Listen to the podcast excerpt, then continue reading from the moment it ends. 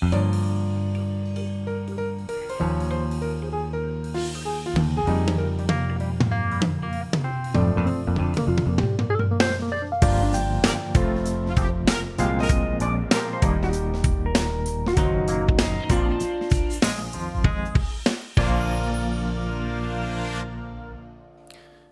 vänner. Det har blivit dags för Naturväktarna. Välkomna med att få svar på frågor om Finlands vilda djur och växtliv. Vi sitter här ända fram till klockan 21 ikväll och svarar på era frågor. Experter i studion den här julikvällen är Mimma Ekblad och Johan Ekros. Välkomna. Hej, tack. Tack. Johan är en gammal bekant för lyssnarna, men du har varit borta några år. Vad har du hållit på med? Jo, jag har varit borta i tio år, eller elva år. Jag kvistade iväg till Skåne juli 2011 för att jobba vid Lunds universitet som forskare. Och kom tillbaka nu då till, jobbar nu på Helsingfors universitet. Så nu är det väldigt, väldigt trevligt att, att uh, sitta här i Naturväktarstudion igen. Mm. Tillbaka väldigt till roligt. Finland och tillbaka till Naturväktarna. Precis, precis. Mm. Är, vi får se hur ringrostiga jag är. Det, no, det, det går säkert bra. Jag heter Mikael Crawford, tekniken ikväll sköts av Risto Salonpää och med i studion också Annika Ljungberg. Och hon börjar nu med att bena ut ett ljud som har skickats in hit till oss på adressen vega.natur.yle.fi. Marie skriver så här. Den här fågeln var sedan ett par har sedan ett par veckor sjungit i vår täppa i Sjunde. Vi trodde först det var grannens rostiga vattenspridare som förde oväsen med sitt regelbundna kraxande tills vi märkte att ljudet kom från linden bredvid huset. Vad är det för en fågel?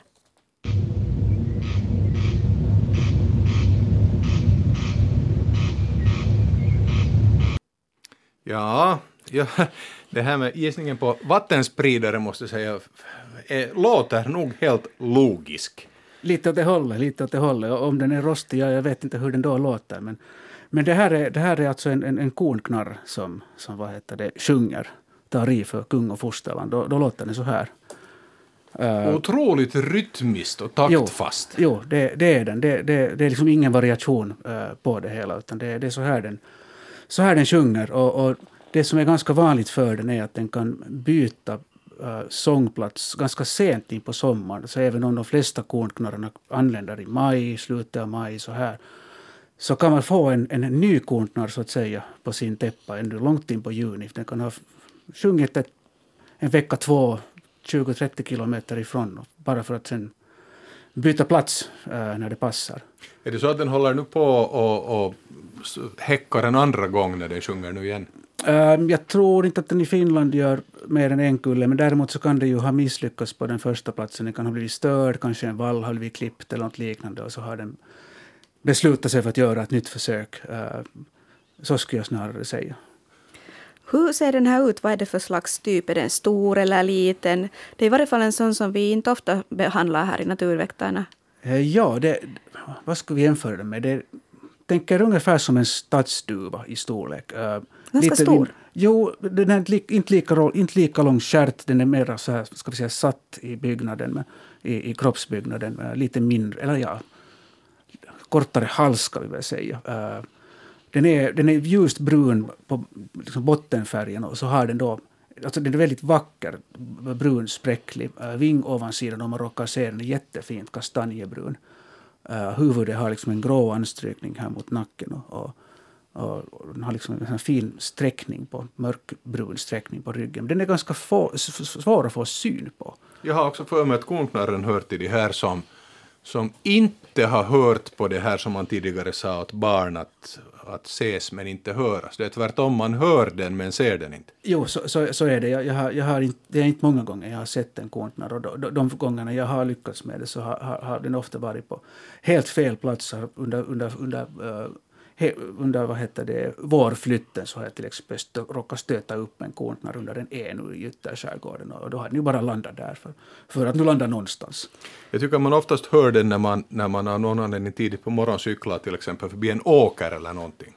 Ja, alltså det, det, det är ju den här liksom ska vi säga, äh, pittoreska äh, sommar, sommarstämningen över den här fågeln. Och, och Eino, Eino Leino han, han skaldade ju faktiskt om den också. Det var ju Eino Leinos dag här, var det igår rent av. Och, och ni vill äh, äh, bekanta er med den så kan ni slå upp Nocturne Eino Leino så, så får ni läsa, för får ni höra, jag läsa om, om rågfågeln som den skulle heta på finska. Äh, jag gissar att den framförallt var ganska vanlig just rågfält. Rojsräkä heter den på finska. Precis. Och den är ju en av de tacksamma fåglarna som berättar vad den heter, för den heter krex, krex på latin. Och det där det är vad den säger, krex, krex, krex, krex. Faktiskt, faktiskt. Jo. Ett mycket intressant läte måste jag säga. Det, det hör till de här fågelläten när man inte skulle ha vetat vad en fågel är. Jag, jag förstår den här frågeställaren alldeles totalt. Men vi ska gå vidare Annika, har du fått något övrigt intressant mejl? Jag ska det nog säga att man naturligtvis får väldigt gärna höra av sig hit till oss eh, under sändningen. Telefonnumret är det gamla vanliga 0611 12 13. Ring så svarar vi. Mailfrågor finns det. Det kommer så mycket frågor nu under säsongstid att vi inte hinner tyvärr svara på alla frågor. Men en fråga som vi ska, ett ämne som vi ska fortsätta med är fåglar och lite fågelbeteende. Det här är signaturen Vi på Lindnäs som beskriver uh, olika fåglar med spännande beteende. En bofinkshanne har under flera dagar varje morgon, middag och kväll satt sig på en kvist på cirka två meters höjd i en toppad stor gran ett par meter framför vår veranda. Men med regelbundna mellanrum flyger den mot ett fönster så det hörs en liten duns. Samma beteende kan upprepas flera gånger per minut. Däremellan sjunger den vackert, tar sig en kort flygtur och förser sig med mat i granen och några andra närstående träd. Våra försök att med textiler eller tejpremsor på insidan av fönstret stoppa den uppförande har ännu inte lett till resultat. På sin höjd byter den till ett annat fönster. Vad månne förorsakar det här beteendet? Ser den en rival i fönstret och vill säkra sitt revir? Kan vi göra något? Den gör ju sig illa, ser tilltufsad ut ibland efter sina attacker mot fönstret. Vad säger Mimma eller Johan? Jag tycker att alltså, när man ser på bilden i, i, i, bildbloggen så ser den faktiskt lite rufsig och sliten ut. I, framförallt här i liksom nack, nackpartiet av gässan. Uh, eh, så alltså, det, det, det, är nog en rival den ser, uh, en, en, en, spegling i, i, i fönstret. Uh, om, man, om man vill göra någonting så, så kan man kanske försöka spänna upp någonting utanför rutan om, om det lyckas istället för innanför så att det inte upp, uppstår någon reflektion äh, i rutan. Äh, men så är det också så att, att så småningom så kommer ju den äh, äh, att, att, att avta den här det, värsta liksom, äh, revirdriven så att säga. Så småningom så börjar den att, vara mindre nogräknad med att, att hålla sitt revir. Häckningssäsongen är, är långt in, in, vi är långt inne på den. Och, så, så, den borde liksom så småningom sluta också av den anledningen, i alla fall lugna ner sig lite grann förhoppningsvis uh, innan den är uh, alldeles, uh, alldeles vad heter det, utsliten. Är den så här aggressiv mot sina rivaler? Är det en sån art, bofinken? Den kan nog vara det. Alltså den, den, alltså, av de här fåglarna på gårdstunet så är man kanske mest van vid att gråsparvar kan vara riktigt ettriga mot varandra. Eh, bofinken är, det, det är nog lite, lite, lite, lite samma stuk där eh, med den också. Men, men det där. Ofta så, eh, man ser dem ofta ganska sällan, de här direkta revirstriderna. Att, att det är ett ganska sånt karaktäristiskt, sånt, vad ska jag kalla det, sånt kvittrande man kan höra. Så, små vingslag som, som uppstår när, när de försöker liksom banka på varandra med, med vingens framkant. Uh, Uh, vilket de facto kan göra ganska ont, knäppa till uh, med, med, med, knogen så att säga. Uh, men det brukar vara sådana ganska korta stötar, sammanstötar. De försöker ju inte heller, eller undviker ju förstås slagsmål så gott det går. I alla fall utdraget slagsmål. Och därför så gör de ju inte så hemskt länge eftersom den ena inser att okej, okay, jag är svagare än den där, men den där i fönstret, den ger bara inte upp. alltså vi hade faktiskt en precis likadan bofink, den bara flög och flög in i fönstret här i, i No, den har faktiskt slutat med det nu, men, men det var ett enda dunkande i ett, ett, speciellt, ett specifikt fönster. Det måste på något sätt ha speglat just därifrån på ett tokigt sätt. Ja, no, vi får hoppas att den ger upp förr eller senare. Vi har ett samtal på tråden. Hallå, hallå, det är Naturväktarna. Välkomna med i sändningen. Hallå? Hallå, hallå, välkommen. Jo. Du är i direktsändning. Eh, jag är pensionär och tycker om att promenera och jag tycker att det aldrig funnits så mycket kottar på alla stigar och vägar förut. Är det någon fråga som ni redan har, har, har behandlat tidigare? Det är nämligen med dålig balans så stiger man på en, på en, på en kotte och så, så vacklar man till. Vi fick faktiskt frågan om kottar här för några veckor sedan. Efter det har jag själv tittat med det ögat. Jag tycker också att det är mycket kottar i år. Nu när det, när det blåste hårt här för ett par dagar sedan, åtminstone i, i Östnyland, så då var det ett riktigt kort, veritabelt kottregn när man råkar vara på rätt ställe. Men vad säger experterna? Vi har också haft jätte, jättemycket tallkottar i år. alltså påtagligt mycket mer tallkottar än någon annanstans. Men nu minns jag inte vad tallkottens hur, hur lång längd har den? För en grankotte, det tar fyra år för den att bli vuxen så att säga och då kan det hända att var fjärde år så finns det extra mycket kottar när de liksom har, har satt igång och det där cykeln har gått. Men nu minns jag inte hur det var med tallkottarna. Nej, det, det minns jag inte heller, men jag har också reagerat på framförallt tallkottar har jag sett mycket nu under de senaste veckorna, på, liksom under, under tallarna, så det har jag kombinerat dem. Och, och jag vet också att, att uh, på sina håll så har det funnits massor med korsnäbbar. De älskar ju kottar. Den större korsnäbben är, liksom lite specialiserad på just tallkottar och, och, den mindre korsnäbben då på grankottar. Och jag vet att de har haft ett ganska bra häckningsår på, sina, på sina håll. Så det har nog funnits mycket kottar än i vintras. De här, de här häckar ju tidigt. Då, februari, mars sätter de igång. Så det är nog ett faktum att det har, det har funnits mycket. Vad kan det finnas för orsaker till att det är... Är, är det bara cykliskt då att det är ungefär vart fjärde år eller vart tredje eller någonting? Att det så att säga automatiskt är regelbundet goda kottor och sen är det uh, några magrare kottor? Eller, eller reagerar de här barrträden på, på någonting? No, alltså eftersom det tar ett visst x antal år för en kotte att bli mogen, så är det då fyra år tidigare som den här reaktionen har sett, skett, så de har reagerat på någonting. Men då när de har tappat sina föregående kottar, så sen gör de nya kottar sen då följande år, och så tar det några år innan de får nya.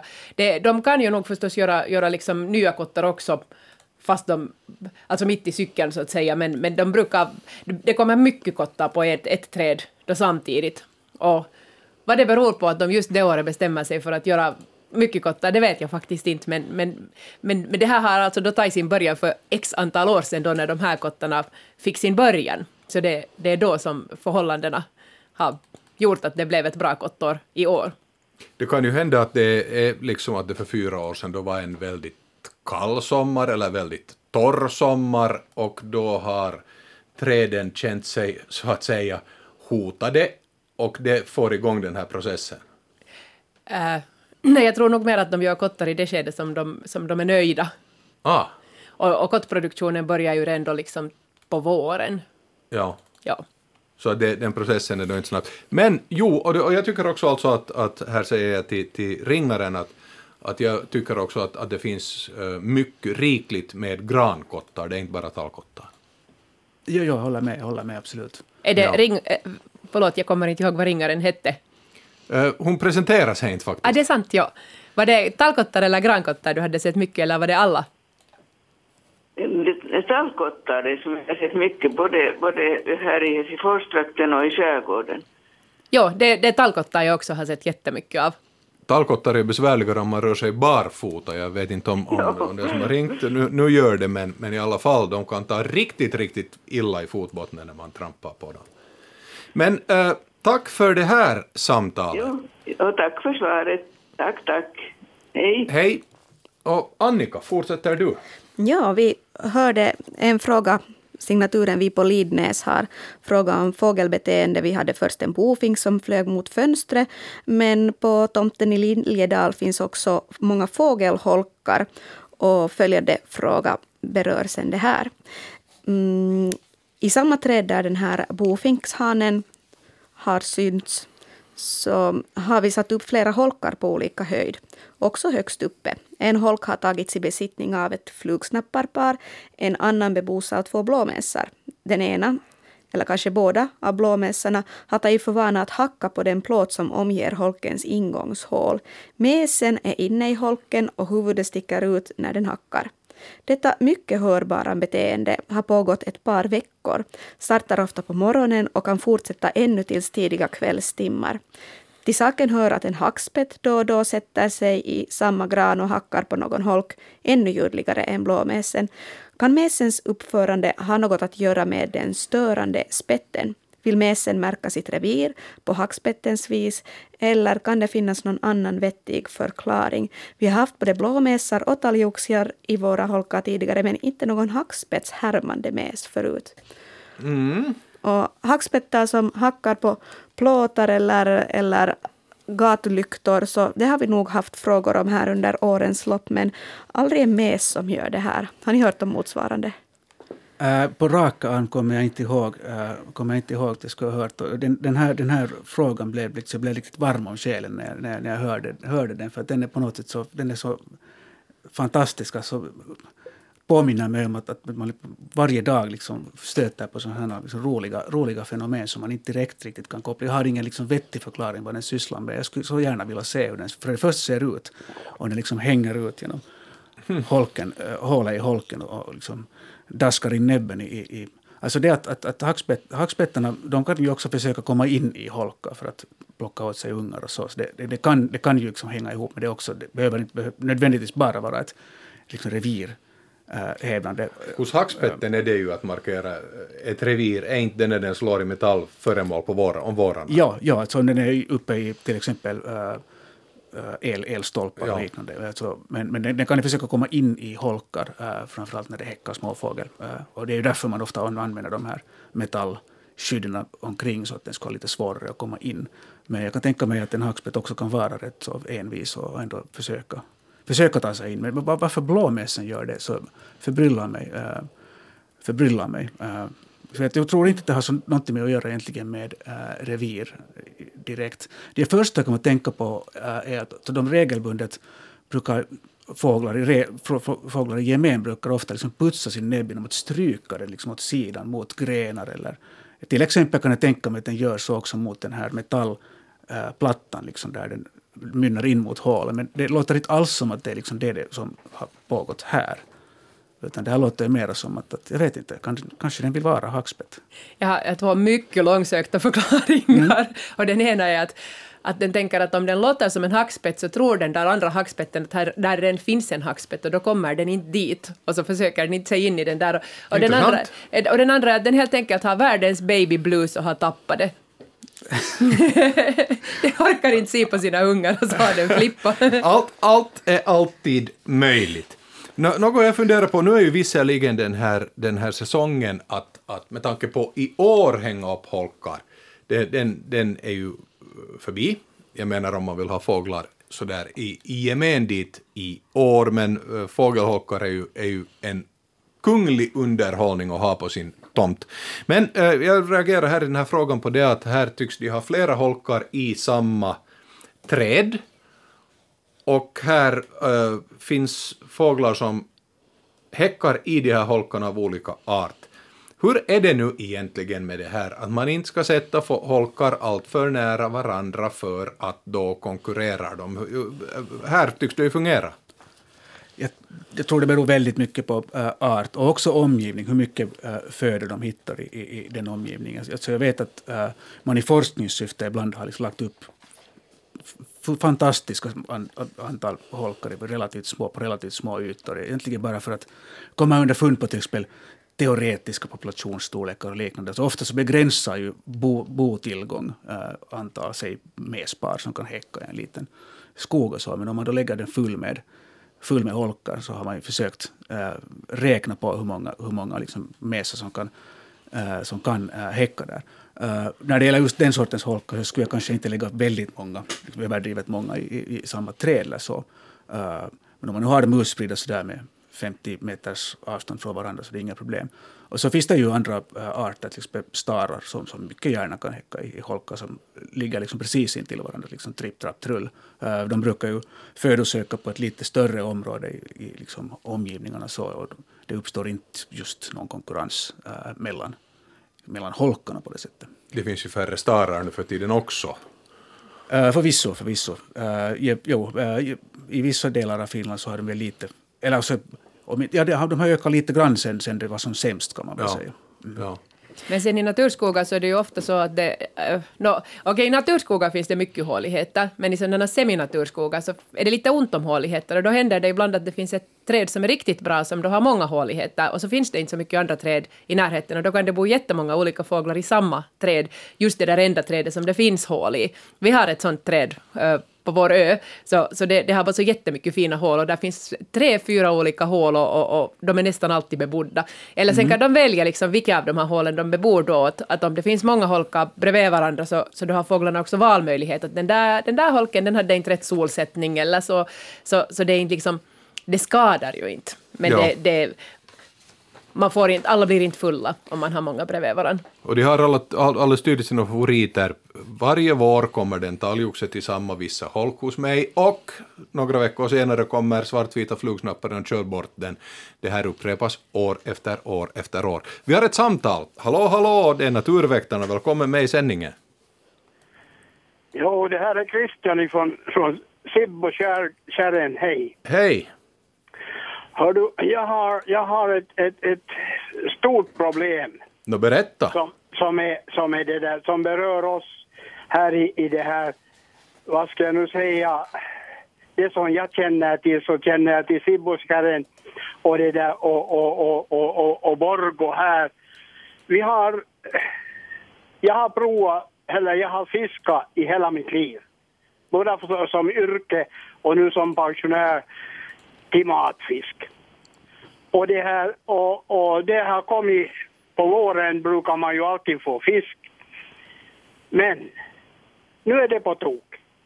I år inte en enda abborre, inte en enda gös, en sik och, och, och, och, och, och någon, en, en enda sten havsöring. Det är årets körd. Var, var, varför är det på det här viset? Fiskar Jaha, det är nog en bra fråga. Det där låter nog som en verkligt usel fångst. Hur många nät har du? No, jag brukar nu sätta, beroende nu lite på hur, hur, hur, jag issätter, men nu brukar jag nu sätta en tre, fyra nät sådär. Ja. Och, det där, och, och, och, och, och det här är närmast strandnät som jag, som jag har fiskat med. och det här. Men det som jag, som jag förvånar mig över det här att, att, att, att vart, vart har den här, den här matfisken tagit vägen? Alltså abborren och gösen och allt det här som man äter till, till det, det är matfisk. Ja. Och inte något mer. Men däremot så hade, har jag fått, fått det här, det som nu allting kommer om våren och ska komma småbraxnar och sånt där skräp. Och så nu har det kommit rudor som jag aldrig i världen förut har fått här. Första gången hade jag, som jag hade, hade ut så, så hade jag en ruda. Nu sist som jag hade ut så hade jag fem rudor. Aj, har du haft några sotare i nätet? Nej. Jo, nu har jag, fått, nu har jag fått sotare förr, jo.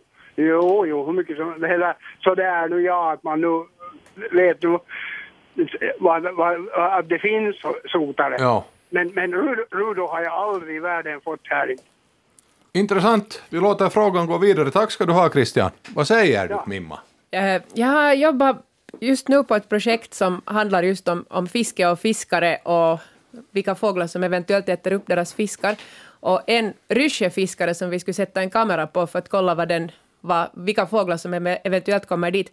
Han hade redan tagit upp sin rysche, för det här året hade han inte fått några abborrar då när han borde få abborrar, så tydligen så är det någon, någonting, någonting med abborrarna i år, att de inte riktigt vill gå där var de har gått tidigare.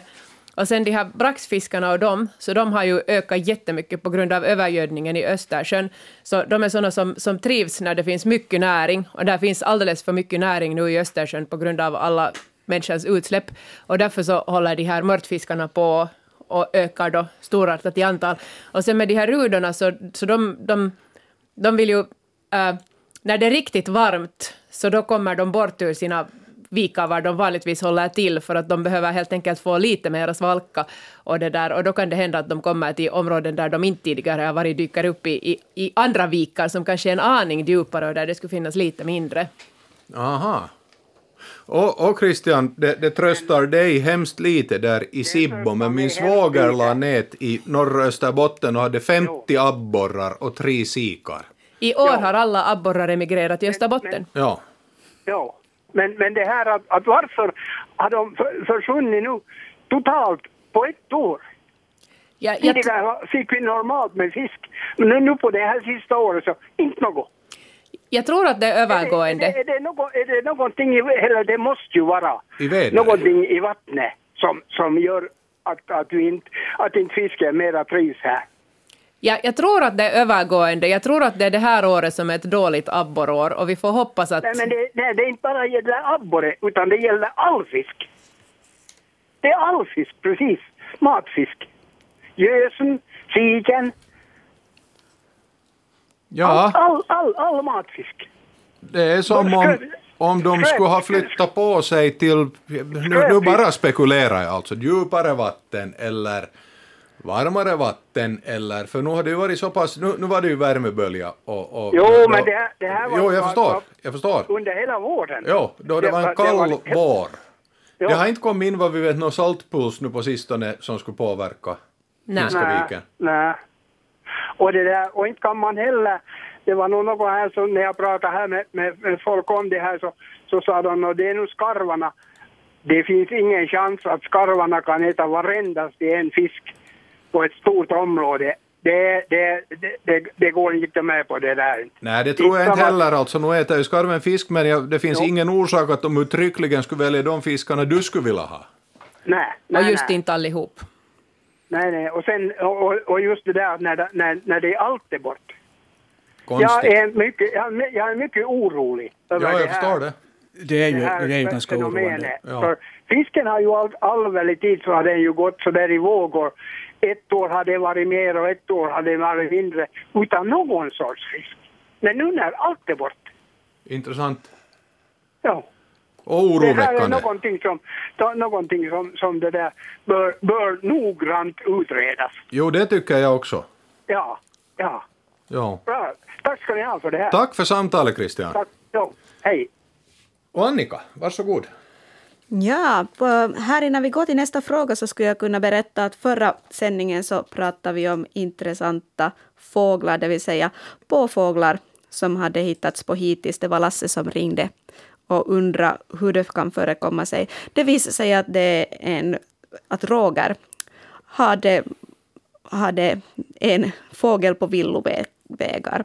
Men Roger rapporterar nu att den har lyckligt kommit fram till sin gubbe lite senare på torsdagskvällen efter Naturväktarnas program så var telefonerna fulla med missade samtal. Så ni har hjälpt till att se, se till att den här påfågelhonan som var på villovägar har hittat hem lyckligt. Hon Ja, vi upp- hade, vi hade påfågeldrama här och, och undrat hur i all världen kan det finnas en påfågel på hitis. Men det visade sig då alltså att det finns till och med två, men allt, det var en rev som hade härjat med boet och skrämt bort den här honan, som sen dök upp hos en granne och inte släppte, eller nu ska jag vet jag inte hur mycket släppte, men stod på ett bord och uh, hustrun vågade eller ville inte gå i bastun när påfågeln stod där och stod hotfull ut. Och han ringde sen hit. Allt händer. Vi får ett nytt samtal. Hallå, hallå, det är Naturväktarna. Välkommen med i sändningen. Hallå, hej, här Hej. är Anna Malmström som ringer från Ekenäs skärgård. Hej Anna. Hej, det där, jag ringer också i så här fågelärenden. Jag har nämligen två saker som jag ska fråga. Nu undrar jag om min man har en hunnit skicka bilden via e-post. Okej, det har inte ännu hunnit skicka, så då börjar jag med min grannes fråga.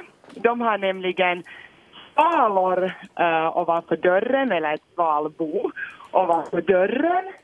Och nu undrar de att när de kan flytta på det där boet för att de har bland annat en hund och, och den är just där ovanför dörren så det är ganska så här olämpligt ställe. Finns det någon regel när man kan flytta på det där boet? Har de ungar ännu och hur, hur ska de gå tillväga? Ja, de, de har sannolikt ungar. eh, jag vet inte exakt när de nu har börjat. Eh, vet, vet du om det syns ungar på ut, utkanten, liksom ovan, ovan kanten till boet? Eh, Nå, om jag förstod rätt så, syns det då kanske inte i och med att de just frågar, de bad mig alltså de Just det, frågar också. precis. Så då antar jag det inte syns för De, att jag skulle gissa att de borde ha små ungar vid det här laget. Eh, De, jag kan tänka mig att de har börjat ganska sent. Det, det här är ju lite gissning också. Ja, ja, eh, eftersom, men alltså det var ju kallt i maj eh, och det kan ha, det kan ha vad heter det, fördröjt, fördröjt lite grann inledningen av, av häckningen. Ja. Men jag skulle hur nog länge tro... ska man jag, vänta då?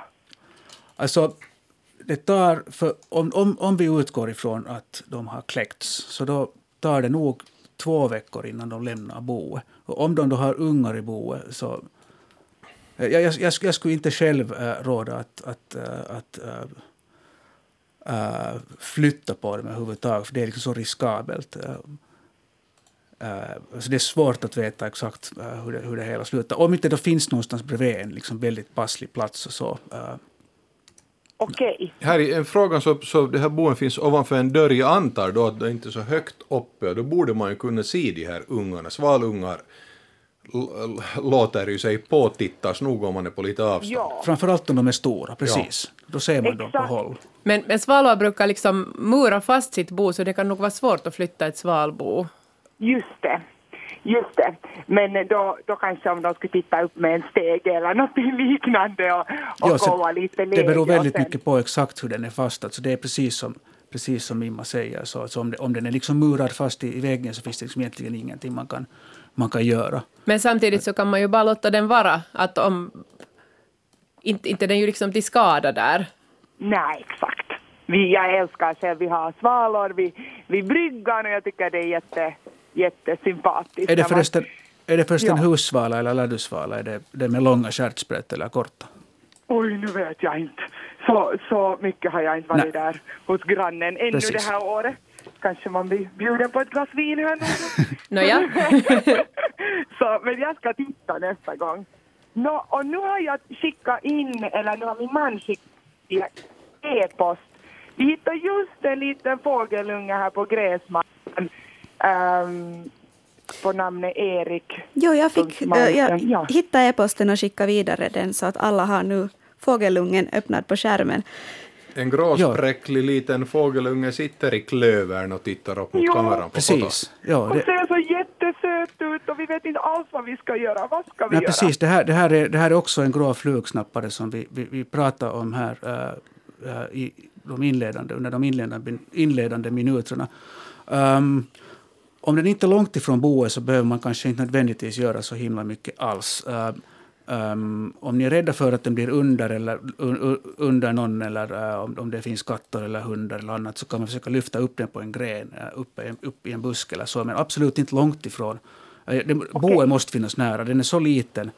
Det, den, eh, man ser alltså stjärtspennorna sticka fram, uh, mörka, mörkbruna stjärtpennor sticka fram som är alltså alldeles pytte, pyttekorta. Uh, och den, den, den kommer att ha, när den är vuxen, så kommer den att ha en, vad ska vi säga, 3-4 centimeter lång stjärt. Uh, så den är, den är långt ifrån uh, flyg.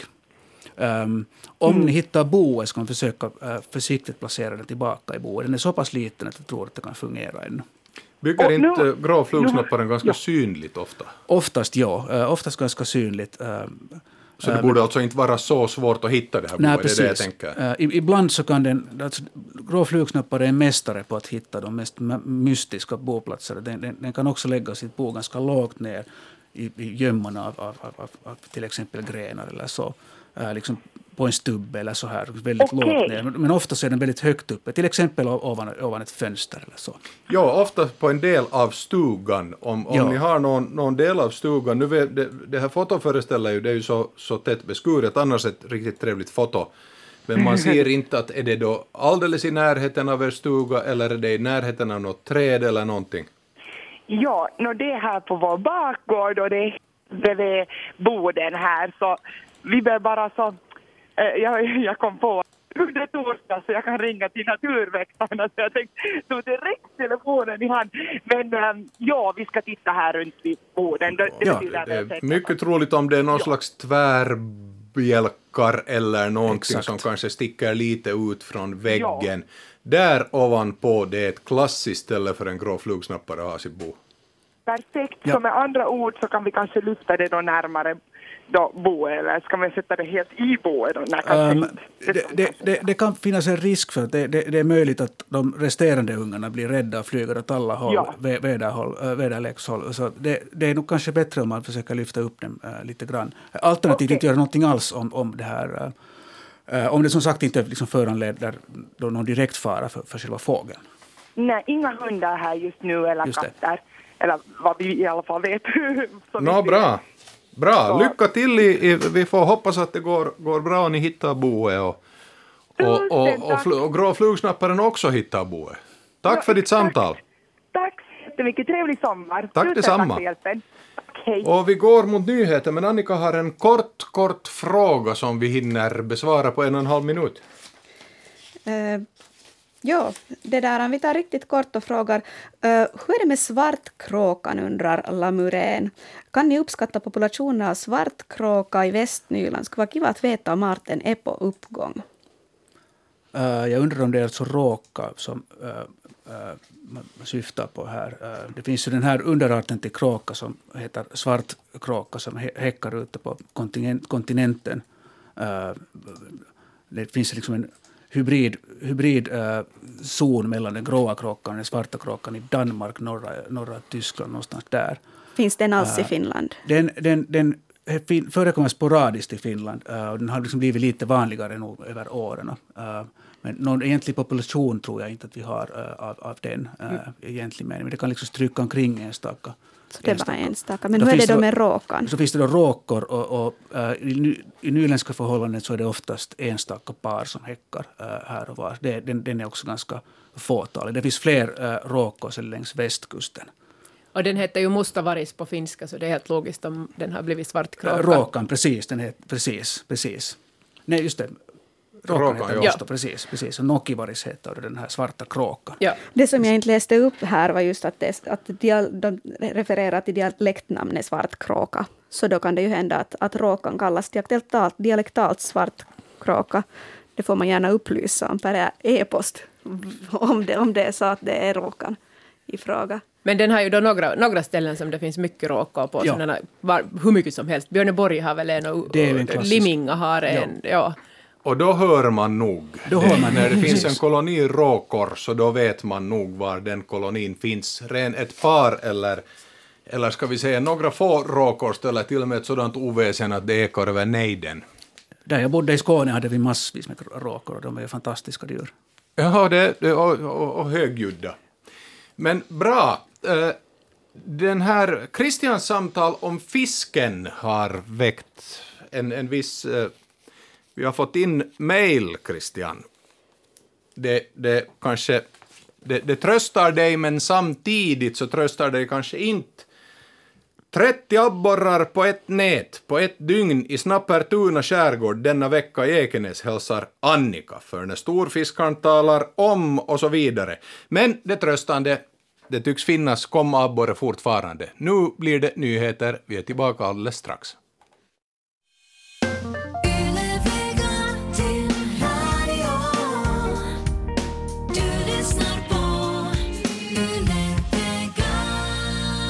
Och så är Naturväktarna tillbaka och här med er fram till klockan 21.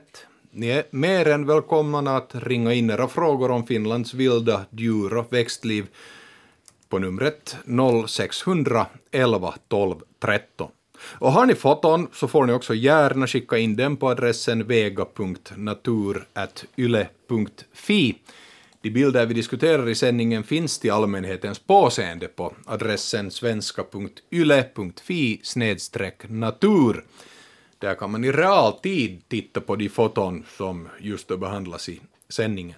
Jag ska också påminna om att man får skicka in saker, föremål man hittar i naturen, hit till oss på traditionellt vis via post. Adressen för sådana försändelser är Naturväktarna, PB 12 0024 Helsingfors. Och givetvis, skicka inga levande kryp i paket och annars också paketera ordentligt så att innehållet kommer fram i gott skick. Annika har en mejlfråga. Ja, vi pratar om ett eh, äh, fågelbon, så vi fortsätter på fågelbons tema. Vi hade Anna som ringde in om en liten fågelunge före nyheterna. Nu har vi en fråga med bild. Vill man se de bilderna vi tar om ikväll så hittar man dem när man går in på svenska.yle.fi natur. Och där finns en bild på en ruande fågel som Kristin har skickat in. Undrar vilken fågel som ligger och ruvar på fyra ägg, skriver Kristin.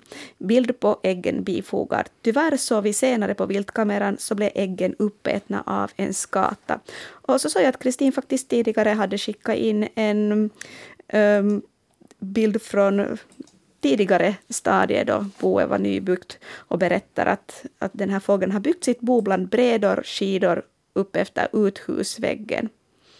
Vem är det som har byggt ett sådant här fint gräsbo? Äh, Kristin skriver ännu att äh, det, inre diametern på det här boet är 6 centimeter. På en av hennes bilder ser vi alltså fyra brunspräckliga ägg och sen har vi en fin närbild där man ser huvudet och ryggen och stjärtspetsen på den som ruvar i boet. Mm. Ja, det är, alltså, det är rå flugsnoppar. Det här ser man på bilden. Det var den här kom bra, bra till pass den här bilden, för här ser man ju hur lång den här stjärten är. Jag, jag, jag höftade med 3-4 centimeter, vad var det jag nu sa när, i samband med den här tidigare frågan äh, om, om den lilla ungen som, som låg runt klövret. Um, så här ser alltså en grå flugknoppare ut när den är fullvuxen.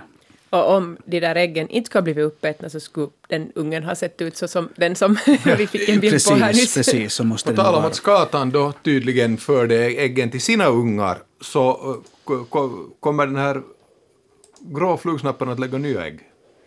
Om det, om det precis har övergivits så det är inte omöjligt, men det börjar bli ganska sent. Det, det är inte omöjligt, så jag ska inte utesluta någonting.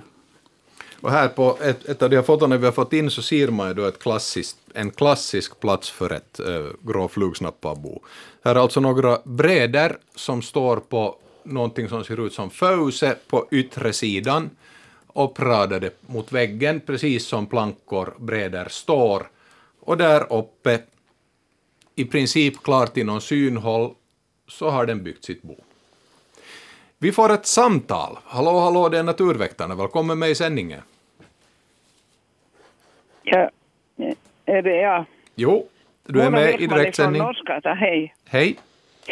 Jag har två frågor. Det ena är det att för några år sedan så hade jag sommargyllingen här och jag vet inte, kommer inte ihåg mera det där ljudet. Att jag skulle gärna vilja höra det där eh, hur den låter, för jag har en fågel här som jag inte alls känner igen. Och det andra är att hur är det med koltrasten? Förstår den sig på klockan och tider för att, att alla år som jag har varit här på stugan på Norskata så kommer koltrasten trippandes precis samma rutt vid elva tiden och, och, det är nu många, många år och är det samma koltrast eller kommer det eller har de informerat släkten att man ska gå den här klockan elva från min brunn syrenen? jo, så, så, så, så äh, välinformerade och underrättade är väl koltrastgänget inte. Det, det, men det är nog mycket möjligt att, att det kan ha varit, i alla fall under flera år, samma, samma, ja. samma fågel. Här. Men hur länge kan de leva? För Precis. det var redan då när min man levde så, så, och han har varit borta nu 12 år. Precis, jag, nu, nu har jag inte siffror framför mig men jag tror att koltrast, uh, alltså en, en riktigt gammal koltrast kan utan vidare bli över, över tio år. Uh, det, ja, det, det, är utan vidare så. Men det där, uh, nu har jag inte siffror framför mig, uh, vad, åldersrekordet, åldersrekordet för till exempel bland finska ringmärkta uh, koltrastar är. Så, Men det är roligt att den liksom alltid samma tid kommer. Precis. Um, alltså om det inte är samma uh, individ så, så börjar man alltid tänka i de banorna att finns, det finns någonting i terrängen som koltrastar älskar. Liksom någon, någon födosök, liksom små födosökningsytor som, som, som koltrastar ja, ja. bara inte kan liksom låta bli att titta på. Ja, Nå, en morgon kom den redan lite över åtta, men annars brukar den komma.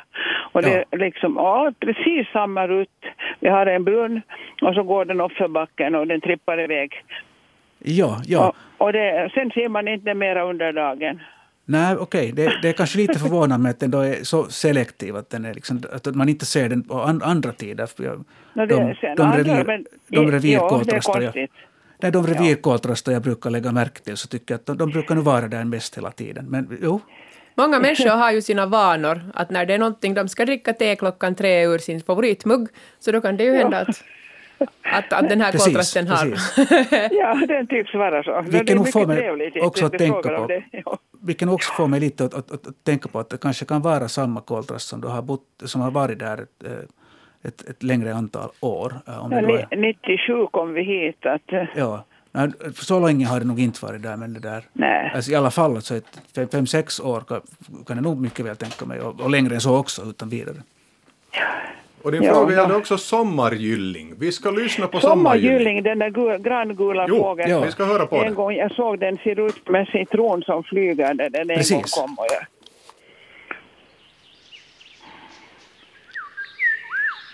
Här är det sång av sommarljud. Jo, vänta nu.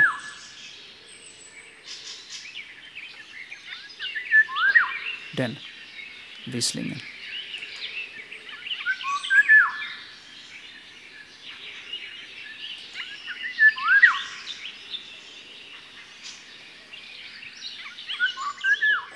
Så alltså sommargyllingen, det är ju Men då ett, har det nog varit här, för jag har en, ett, ett hasselträd här och därifrån kom den förra gången.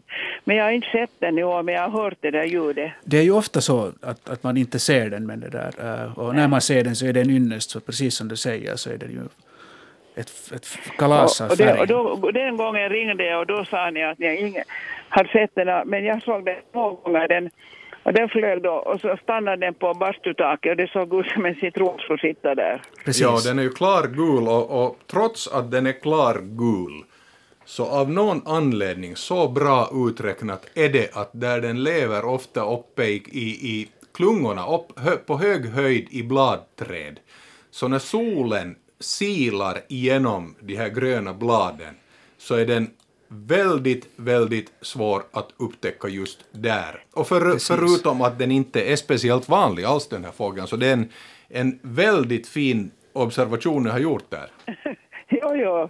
Men, men jag hörde, jag har inte sett den i år, men, jag, men, men samma, samma, men det, här, det här ljudet var det just, men jag reagerade, jag tänkte, kan det, eh, jag är inte så hemskt bra fågelkännare, men den där var så speciell den där tyckte jag, och då ringde jag.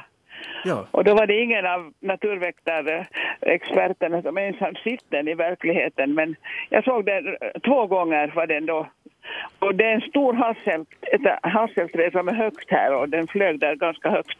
ja, ja det, det, låter, det låter alldeles typiskt för det. Ja, jag, jag såg själv faktiskt en förra veckoslutet. Jätte, jättetrevligt program, ja. Tack så jättemycket. Tack, ja. tack för Ha det samtalet. bra. Hej då. Hej. Eh, Jag, jag såg faktiskt, hade förmånen att se en förra veckoslutet i i, i Ruskis, det här fågelskyddsområdet, och där finns då lövträd och där sjöng den och ingen chans att se den och så plötsligt ropade den sitt varningsläte som ett sånt här väldigt fult verkligt varningsläte och så kom den flygande och satte sig rakt nedanför fågeltornet och på något vis, jag vet inte om den drack eller vad den gjorde, och pickade. Den, den var då inte klar gul, att den var antagligen inte fullvuxen, men helt uh, skinande gul där kring, kring höfterna Ja. så att säga och, och så här, så det var alldeles klart nog och den satt där en bättre stund. Det låter som en hona. Den, den är liksom snarare grön, just, just grön. Och så har den inte riktigt lika mörka vingar som, Ja. som hanen. Den är inte fullt lika färgad, trots att den också är väldigt, väldigt vacker. Och, Ja, och en väldigt nätt fågel. Vi har ett nytt samtal på tråden. Hallå, hallå, det är Naturväktarna. Välkommen med i sändningen. Jo, hallå? Ha, hallå? hallå? Jo. Jo, det här är, är, är Ulrika från, jag ringer från Pargas. Hej. Hej. Och jag, jag har lite frågor om, om eh, svanen, alltså vi har knölsvan här då. Och när vi kom hit till stugan i våras så märkte vi när vi gick, och vi har en sån liten, liten vik med sandbotten. Och när vi gick ut och simma så, så var det en massa gropar och, och höjder och sånt där plötsligt som inte har varit förut. Vi funderade vad det var.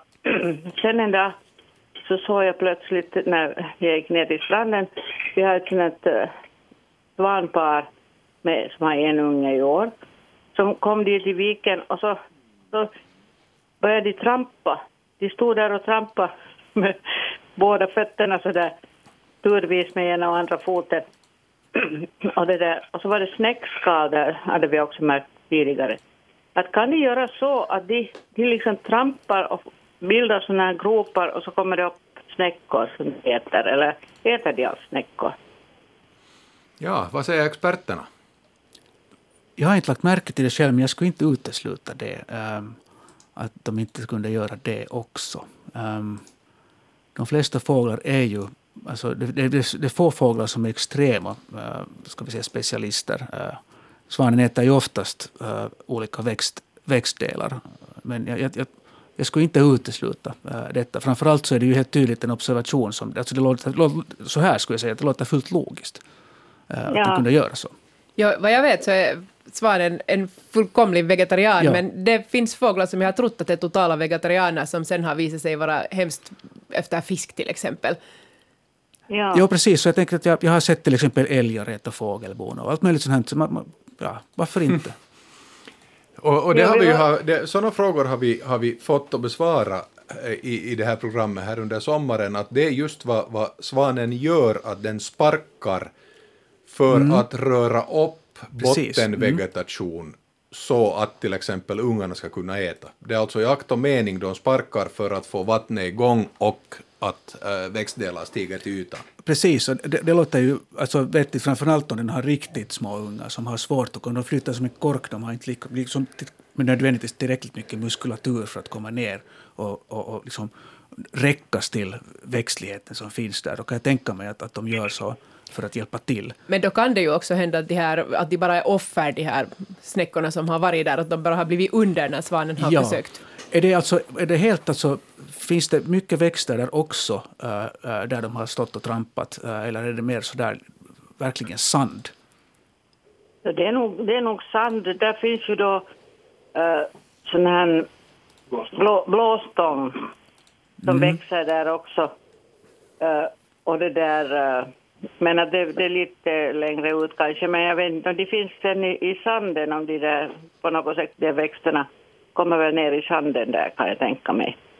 För jag tänkte just det här också att de, det blev alldeles grumligt det där vattnet när de hade stått där och trampat en stund. Precis, alltså då, då måste det ju finnas uh, det måste finnas då växtmaterial där. Uh, Humus eller precis, så i alla fall. Precis. Exakt vad de har ätit så får bli kanske då lite av en gissning här. Men jag skulle inte utesluta att man också skulle kunna äta framförallt ungar äh, ryggradslösa djur. Ja, det är sant. Fågelungar äter ofta fast, alltså också, också djurmaterial fast deras föräldrar är strikta vegetarianer. Det där, äh, om ni skulle gå och trampa där lite och titta vad som pluppar upp. Mm. Eller gå med en sil. Ja, precis. Ja, no, nu har det ju inte varit på, någon, på, en, på en tid, men inte då och tittade vad det var som kom upp där, men vi borde ha varit då med man, man, blir, man blir nyfiken. Man blir, man blir onekligen ja. nyfiken. En Jätte... intressant iakttagelse. Jättespännande. Tack Ulrika för ditt samtal. Men kan de, kan de trampa så mycket att det blir sådana här djupa gropar? Att det kan det vara de som har gjort svan, det? Svan, alltså den har ju rejäla, rejäla vad heter det, simfötter. Och de groparna kan de ja. liksom passa in storleksmässigt. No, de var tänker... ganska stora, så, men de har trampat säkert mycket runt där. Så det, ja, jag menar, det är, ja. det är inte som en...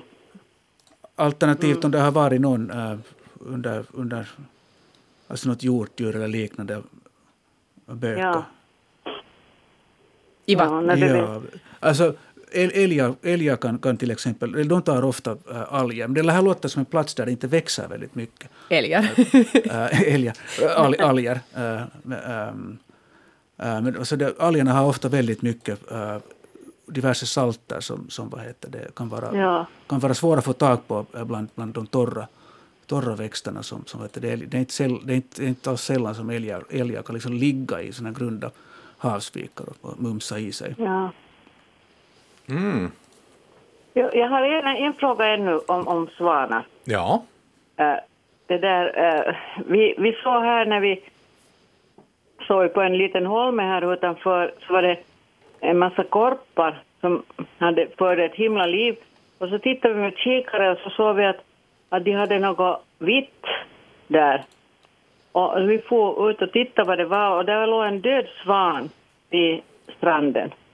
Men den hade legat där ganska länge och korparna hade hållit på och ätit på den. Och det där, den hade, det var liksom revbenen stack upp där och, och det där. Så att den hade, de hade då en svan som ett byte där och jag undrar hur dör en sån svan? Inte korparna kan ju inte ta livet av den utan den hade då antagligen flutit i land eller så hade den dött där på stranden. Vem är det som kan ta livet av en svan? Alltså jag, jag gissar att den, alltså korparna har nog knappast tagit livet av den och det låter Nej. som att den har varit där redan ett tag. Så ja, den, kan ha, Ja. den, den, kan ha varit, den kan ha varit till exempel sjuk och, och, och sen blivit dödad av, av, av, av något lite större än en korp. Alltså, en, till exempel en rev kan ju ta en svan som är, som är riktigt dålig. Det är liksom inte omöjligt. Men den kan också ha flutit i land. Det är fullt. Och det är nästan det, Ja, det, är nästan det jag skulle gissa. revar, det är en liten, liten holme så där finns ingenting Ja. sånt men det kan ju ha flutit i land. jag skulle nästan gissa att den har flutit i land. Och svanar Ja. dör ju då till exempel av fågelinfluensa, så kan de dö, att det har funnits en del fågelinfluensa i år, så det är mycket möjligt. Och sen det som svanar ju dör kanske oftast av är att de krockar med kraftledningar. Och kraftledningar är väldigt bra på att ta livet av stora svanar. Ja, just det. Jag tänkte om det var vårt svanpar som har varit här i flera år, om de, har, om de kan angripa en, en inkrä- inkräktare och ta livet av den på något sätt. Um, det, det kan gå väldigt våldsamt till när de, Jo. när de vad heter det, ja, tar ihop. ju Så det är nog inte omöjligt. lite. Precis. Ja. Det är alltså möjligt att det är en annan svan som har, har dödat den här svanen. Det är inte, inte det omöjligt, de kan vara riktigt illa däran uh, efter Ja. ett sånt slagsmål. Just det. Okej, no, men då, då tackar jag för det här. Tack Ulrika. Hej då. Mm, tack, hej. Eh, hitta kom in förresten kommentarer på, på de här fågelholkarna vi pratade om. Bo Granholm skriver att eh, här var svartvita flugsnapparen först i nedre våningen. Någon vecka senare flyttade talgoxen in i alphyddan, som han kallar det. Vi gjorde ett konstgjort svalbo under takröset, men ingen flyttade dit ännu. Det tar ibland en tid för de här fåglarna att upptäcka de här, de här boende. Det gäller ju få, fågelholkar också. Men går svalor i konstgjorda bon? Eh, det finns konstgjorda bon för hussvala som, som de nog kan acceptera. Eh, och för, för ladusvala så kan man lägga upp liksom en, en, liksom en vinkel i princip eh, under, under taknocken, gärna inne i till exempel ett båthus eller liknande. Det fungerar på samma sätt som ett bräde, men det är ju inte då, då redar den ju boet på. Liksom. Eh, så inte, inte det omöjligt. Jag har sett sådana här uh, hussvalebon liksom i, i, i keramik. Um, jag, jag, jag- jag har förstått att det kan, kan lyckas bra, men, men placeringen kommer att bli viktig. och så här. De, de kan vara kräsna. Det kan, beroende på art så kan det också ta ett antal år innan de verkligen blir intresserade. Ja, det finns sådana som är på stolpar och så är det liksom som en radhuslägenhet för svalor. Det har jag sett någon gång. Jo, precis. Det stämmer. Ja. No, vi får hoppas att Bo Granholm får Ja. svalor. Jag tycker att, att alla sätt fågelholkar och konstgjorda bon och allt det är, är mycket bra. Vi har ett nytt samtal. Hallå, hallå, det är Naturväktarna. Välkommen med i sändningen. Uh, Kenneth Karlsson från Kaskö, hej. Hej. Uh, min fråga gäller knölsval, uh, knölval. Ja. Och Undrar hur- pass vanligt det är att uh, knölvalen kommer upp i Bottniska viken därför att har siktats utanför Lahtio här i veckan, utanför Vasa, utanför Raumo. Det är ju, Vad jag, vad jag förstår så har vi lite, har vi lite knölvalen hemma i våra vatten. nej, precis. Det, det, har ju hänt ett, det har hänt några gånger, minns jag, un- under, under min livstid, att, livstid att, att det har förirrat sig in äh, valar i, i Östersjön. Så det är, liksom, det är verkligen inte vanligt. Äh, nu minns jag inte när det senast var. Jag har faktiskt inte hört om denna äh, Inte jag heller. Jag minns observation i att år. tidningarna skrev om det. Eh, Jag försöker faktiskt nu Ja. leta efter någon sån här artikel. Nu då har det varit fråga om tumlare. Ja, tumlare ser man ju eh, sällan, men dock. Mm, men Ja. andra valar. Jag minns, jag, minns, jag minns att detta hände någon gång för när kan det ha varit? 2008 kanske, plus minus några. Eh, men alltså det är verkligen ovanligt. Eh, Ja, men nu, nu var ju helgen här, i senaste helgen var jag utanför Lahtio och, och eh, och fångad på video till och med. Ja, Ja, ja det har fångats på video utanför, utanför uh, Nykarleby ja, ja. just det. och Just så det. här. Och senast minns jag att, att den hittades, man, man, man, man, man la märke till den just i samma trakter ungefär och så lyckades man följa med den sådär hipp som happ när den då var på väg söderut igen. Och nu minns jag inte var man så att säga tappade bort den igen. Uh, men det där, uh, det skulle bli jätteintressant att höra uh, hur, hur, vad heter det, huruvida man kan hålla sig ajour med vad, vad den sysslar med. Yle skulle kunna skriva in det på sina sidor. Vi skulle kunna, skri- vi skulle kunna göra det. Det intressanta här, och nu, nu har jag alltså googlat tidningen Ilta-Sanomat där de intervjuar en lokal fiskare som säger att det är ganska intressant det här för det råkar vara väldigt lågt vatten i de här trakterna där man har, har gjort en sån här iakttagelse. Så, så det, det tydligen tycks knölvalen trivas i rätt grunda vatten. Eller åtminstone förekomma. Ja, men, men det här är nog då alltså väldigt, väldigt sällsynt att det förekommer i, i Ja. finländska vatten. Ja, jag minns inte exakt vilken äh, valart det var senast, äh, när jag pratade om den här äh, observationen då senast. Jag minns inte om det var just uttryckligen knölval eller något annat. Men i vilket fall så att svaret är att det här är, äh, om inte sensationellt så, så nästintill. Och var, var det inte för några år sedan som det var delfin? Tycker jag mig minnas. Det, det låter alltid som rötmånadshistoria det här. Men å andra sidan så finns det ju alldeles tydliga observationer att så här har, har förekommit. Så, så intressant är det. Eh, Men vad, vad, vad det här, vad livnär sig äh, knölvalen på vad främst alltså är, väl äh, är väl en badval vad jag har förstått, men att det är typ plankton eller krill eller äh, fisk eller vad, vad, vad, vad är deras huvudsakliga föda? Jag har faktiskt inte helt koll på vad knölvalen äh, käkar. Jag fastnade för den här delfin, delfinen. Det var alltså, jag tror att det är tre gånger som den har påträffats i Finland. Ehm, bara för att fortsätta på, på det spåret. Ehm,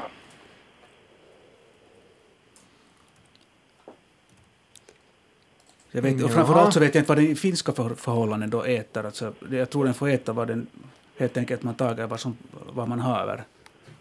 Det, den, den äter uppenbarligen då krill, men också lite mindre stimfiskar, sådär som sill. Just det, just det, det låter rimligt.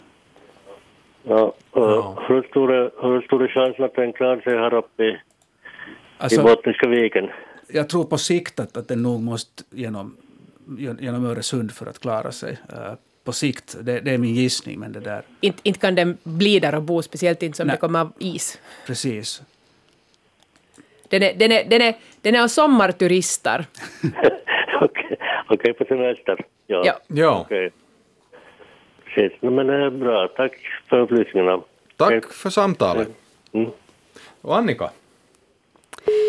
Ja, vi talar just om hur, vi har talat en hel del om, om holkar och hur olika fåglar kan bygga, bygga nära varandra. Jag kommer att tänka därifrån på, på att när man bygger insektholkar, så då så är det viktigt att, att man borrar både stora och små hål när man gör en insektholk.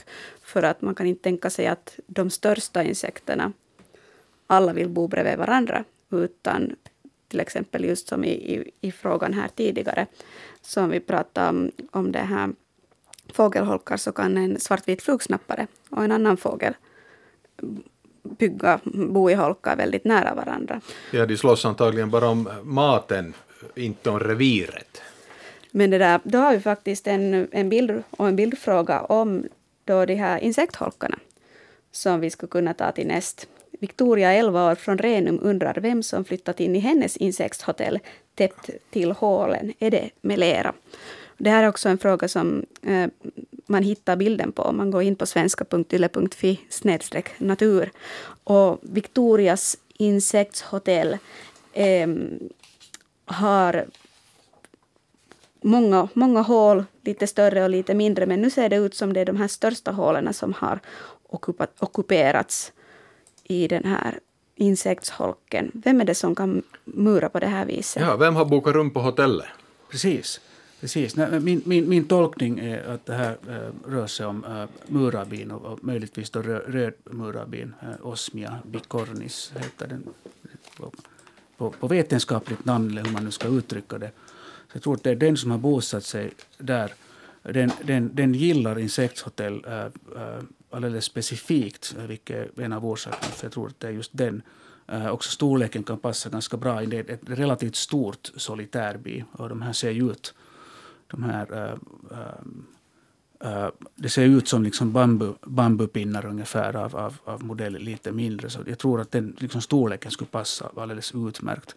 Och det här är en lite spännande art uh, så tillvida att uh, den påträffades den har inte påträffats i Finland innan, innan 2000-talets början, så det är en liksom relativ nykomling. Den har väl, hör väl till de arterna som har gynnats av det lite varmare äh, klimatet. Så det är alltså ett solitärbin och de kan samlas till platser där det finns flera sådana passliga boplatser och, som de här rörorna i insektshotellet. De lägger då in, äh, samlar in en massa pollen äh, äh, in i de här rörorna och så lägger de äh, ägg och så murar de ihop hela, hela alltsammans och så utvecklas larven där inne och äter upp pollenet som finns där. Och det här är i, på, på europeisk skala en av de här äh, äh pollinerande äh, solitärbina som, som man ofta ser pollinera också viktiga grödor. Så den har liksom ansetts vara en viktig pollinerare. Och den är inte heller aggressiv. Äh, man kan liksom tryggt titta på dem när de flyger. De för, förhoppningsvis flyger nästa år. De borde vara ute och flyga sen äh, tidigt på, äh, tidigare på sommaren. Om jag då är rätt i min tolkning. Mm. Och här ser man ju att, att Victorias insektshotell alldeles tydligt är väldigt populärt. Här i, i det foto som vi har på bildbloggen ser man att största delen av de här, här finns ju olika former då av rum som erbjuds. Det är singelrum och dubbelrum och sviter kanske och så här. Men det tycks finnas gäster i de allra flesta så den är, den är antagligen placerad ut på precis rätt ställe. Och blåbären tackar för det här sen nästa år. Eh, jo, det, det, det gissar jag nog att de gör. Det, det bör finnas i de trakterna. Mm. Så vi går vidare till vår nästa mejlfråga. Det är Andreas Stenvall som frågar Hej! Hittade detta intressanta krypet häromdagen, vad är det? Och foto föreställer någonting som ser ut som väldigt litet och som har klara sådana här klor. Det ser ut som, ja, vad ska jag nu säga, inte ska, inte ska jag jämföra det med en kräfta, men den har sådana här klara kräftklor som ser ut att vara, de, de här äh, klorna är längre än själva kroppen.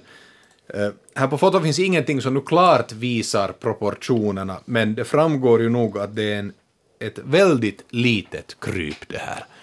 Vad säger experterna? Vad är det som Andreas har här på fotot? Det är ett litet djur som ofta förekommer inomhus, som då heter bokskorpion. Och den är faktiskt släkt med skorpionerna, men den är inte alls giftig och den har ingen giftgadd så, som man skulle behöva vara rädd för. Så, så det, det var ett helt trevligt litet kryp att ha inne. Men det är ju alltså då också ett, den är släkt med spindlarna och... Bokskorpion? Jo. Jag har hört talas om bokmalare, men inte bok. Eh, har, har den, lever den på något vis i böcker då, eller är det bara för att den kanske trivs bland papper eller någonting? No, den tycker väl om den här som böcker tidigare var tryckta av. Det, där ska finnas någon form av stärkelse.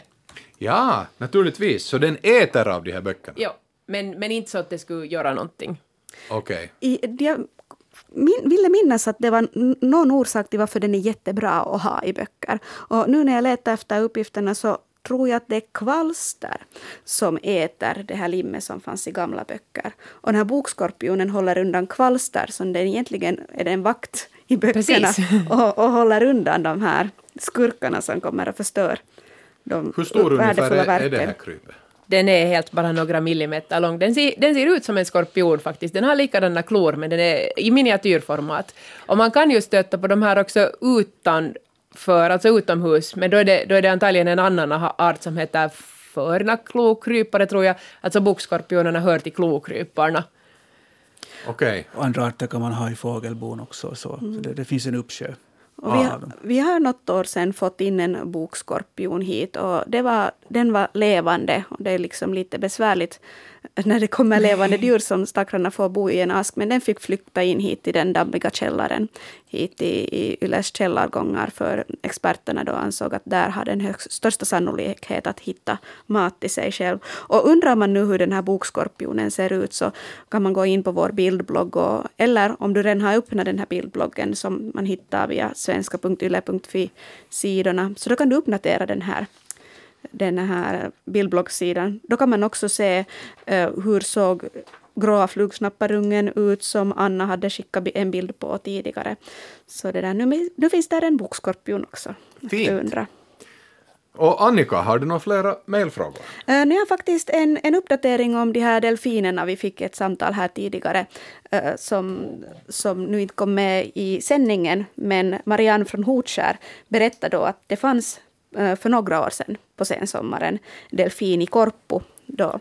Och då var det det där den hade en unge och antagligen så blev dens öde sen ett fiskenät. Men den rörde sig i Korpotrakten under flera dagars tid. Och det var många som, som tog med sig barnen för, för att titta på den här jag delfinen. Minns, ja, jag minns att det var en hel del videon och annat ute då. Delfinbångning? Ja. Ja. Så det finns i Finska viken, Östersjön, Bottniska viken, både ett och annat. Knölval hör nog säkert till de mera exotiska som någonsin har varit. No, delfinen minns jag inte att jag någonsin skulle ha hört om förrän nu då den här gången då för något år sedan, precis som hänvisas till här. Mm, jag minns under min studietid så var det, var det en dag som vi studerande hörde att det lär finnas. Par hundra kilometer ifrån var vi studerade så, biologi så, så, så syntes en delfin och resten av dagen var det inte många som var närvarande under, under det här um, under föreläsningen. Jag får inte med själv på den, på den exkursionen men att jag minns att det är nog över 10-15 år sedan ja. då det här hände. Har du några flera intressanta mejlfrågor att dela med dig Intressanta mejlfrågor finns så att, att det där, um, vi hinner inte svara på alla men det där, vi tar nu en, en utmaning till Mimma då som känner till, till det där örnar och örnars byte. Vi har två frågor eh, gällande havsörn och som har att göra med deras, deras föda. Vi börjar med en fråga som jag nu ni hör kanske på min röst att jag är lite vilsen ibland mina papper när jag just sprang till det telefonen. Det händer så mycket här. Ja, det händer mycket när det är direktsändning. Det är alldeles underbart när vi har så aktiva lyssnare. Men Lia bor nära Runsala i Åbo och på sommaren fick beskåda en märklig syn från terrassen. Vad örnen åt förblev lite oklart, men Lia har skickat in bild på fjädrar och, som låg under ett träd. Eh, det, och dessutom har Lia skickat in en video. Och det här, där ser vi på videon så såg vi en örn som sitter i trädet och så dimper det ner någonting från, från örnen nu och då. Och sen så har vi en bild från Lia där hon håller några fjädrar i handen. Eh, Lia fortsätter sitt e-post, bara jag hittar rätt ställe.